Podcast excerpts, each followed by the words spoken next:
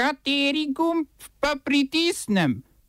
Tisti, na katerem piše O.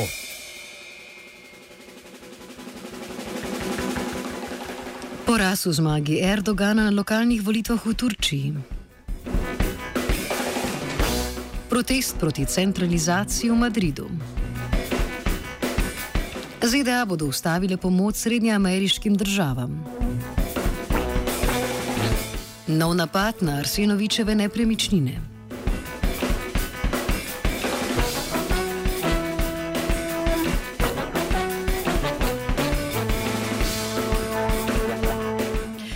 Predsednik Združenih držav Amerike Donald Trump je v nedeljo presenetil z napovedjo, da bo ustavil humanitarno in razvojno pomoč trem srednjeameriškim državam in sicer Hondurasu, Gvatemali in El Salvadorju.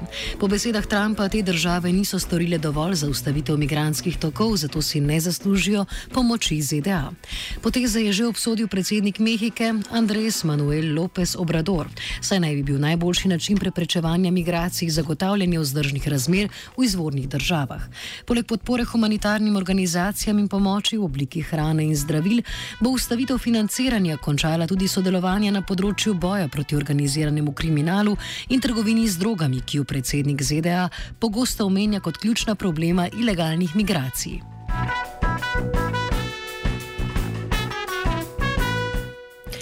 Na slovaških predsedniških volitvah je že v prvem krogu z 58,4 odstotki zmagala Zuzana Čaputova, kandidatka zunaj parlamentarne, liberalne in proevropsko naravnane stranke Progresivna Slovaška.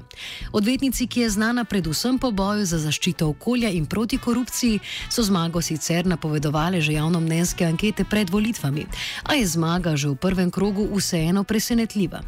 Čaputovi je že čestitev tudi drugo uvrščeni Maroš Ševčovič ki je sicer podpredsednik Evropske komisije.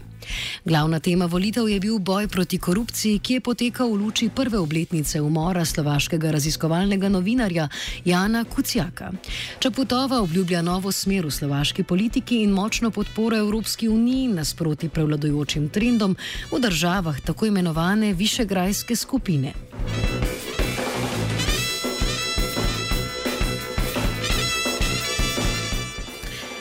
Drugi krok pa bo, kot kaže, potreben na predsedniških volitvah v Ukrajini, kjer sta dovolj glasov za uvrstitev van dobila Vladimir Zelenski in predsednik Petro Porošenko. Zelenski je dobil dobrih 30 odstotkov glasov napram 16 odstotkom Porošenka, zato velja za favorita tudi v drugem krogu. Na tretjem mestu je bila s 13 odstotki glasov nekdanja premijejka Julija Timošenko. Nekdanji komik je voljivcem obljubil učinkovitejši boj proti korupciji, boljše gospodarske razmere in konec vojne na vzhodu države. Glavne očitke svojih kritikov, da je neizkušen in nepripravljen na predsedniški mandat, Zelenski zavrača z dejstvom, da je predsednika države že igral v televizijski seriji. Kakršnakoli podobnost z Republiko Slovenijo je seveda zgolj naključna.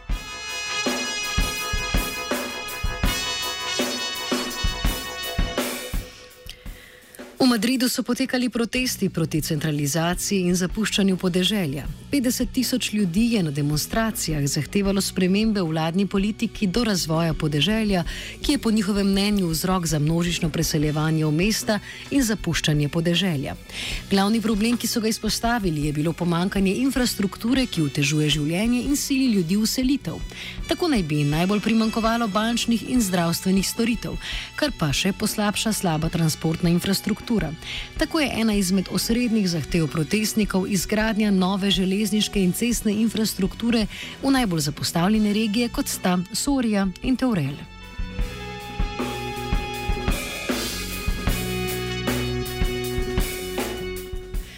V Turčiji so včeraj potekale lokalne volitve, na katerih je sicer slavila vladajoča stranka AKP predsednika Rečepa Tajpa Erdovana, a so najverjetneje izgubili županska mesta v dveh najpomembnejših turških mestih Ankari in Carigradu.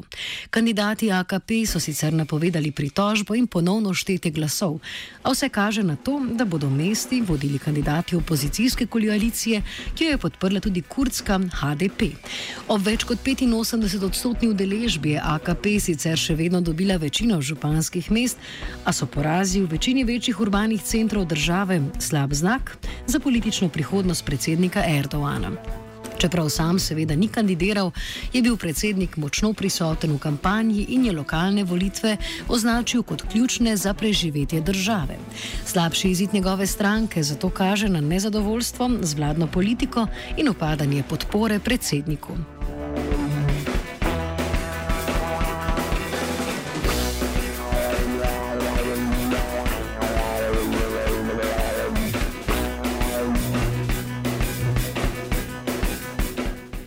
Z nastopom novega japonskega cesarja se tej državi obeta tudi novo poimenovanje obdobja. Danes je vlada objavila, da bo ime novega obdobja Rejva. Rej lahko pomeni red, ukaz, lahko pa pomeni tudi dobro ali lepota. Druga pismenka Wa lahko pomeni mir ali harmonija. Na japonskem je usporedno v veljavi tudi zahodni način štetja časa, torej gregorijanski koledar, a je recimo na zasebnih in javnih dokumentih ter pri računalniških podatkih čas zapisan glede na tradicionalni cesarski koledar po zgledu kitajskih. Več o tem pa v offsajdu ob 17. uri. Oba, če, če bom odgovoril na angliški. Slovenija will try to help.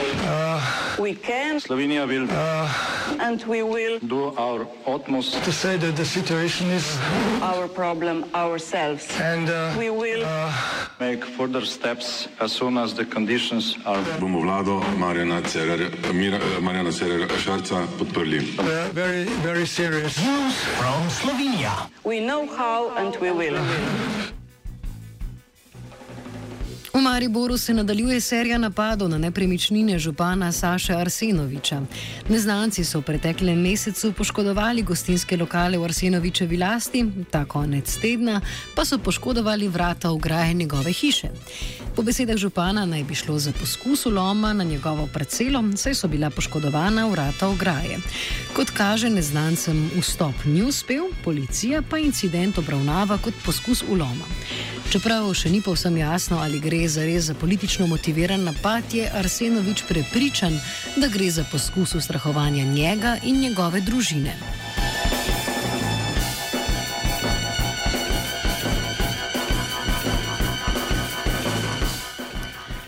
Zdravniki Kranskega zdravstvenega doma so uresničili napoved in danes podali 23 odpovedi delovnega razmerja zaradi neuzdržnih razmer. Najbolj je zdravnike razburil splošni dogovor, po katerem naj bi v Kranskem zdravstvenem domu morali sprejeti za 2700 glavarinskih količnikov pacijentov, kar je skoraj dvakrat več od 1500. Predpisanih z zakonom, seveda. Glavarinski količnik opisuje obremenjenost zdravnika in je za vsakega pacijenta drugačen, predvsem glede na njegovo starost.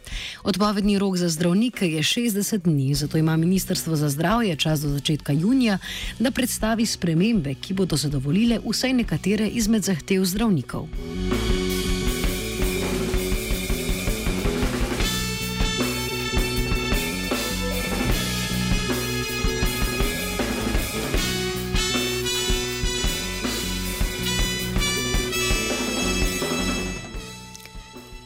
Stranka Levica se je po včerajšnjih maratonskih pogovorih s predstavniki vladne koalicije odločila za podpis koalicijske pogodbe in uradni vstop v vlado Marjana Šarca.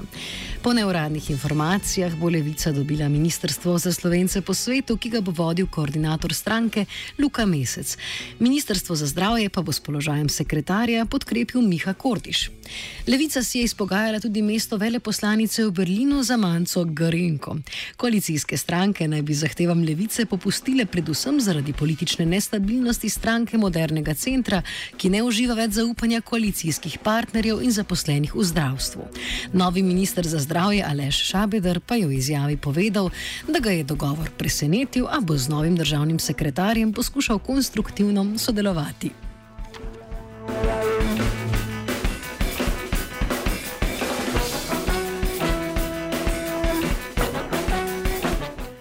Of je spisal Koruza.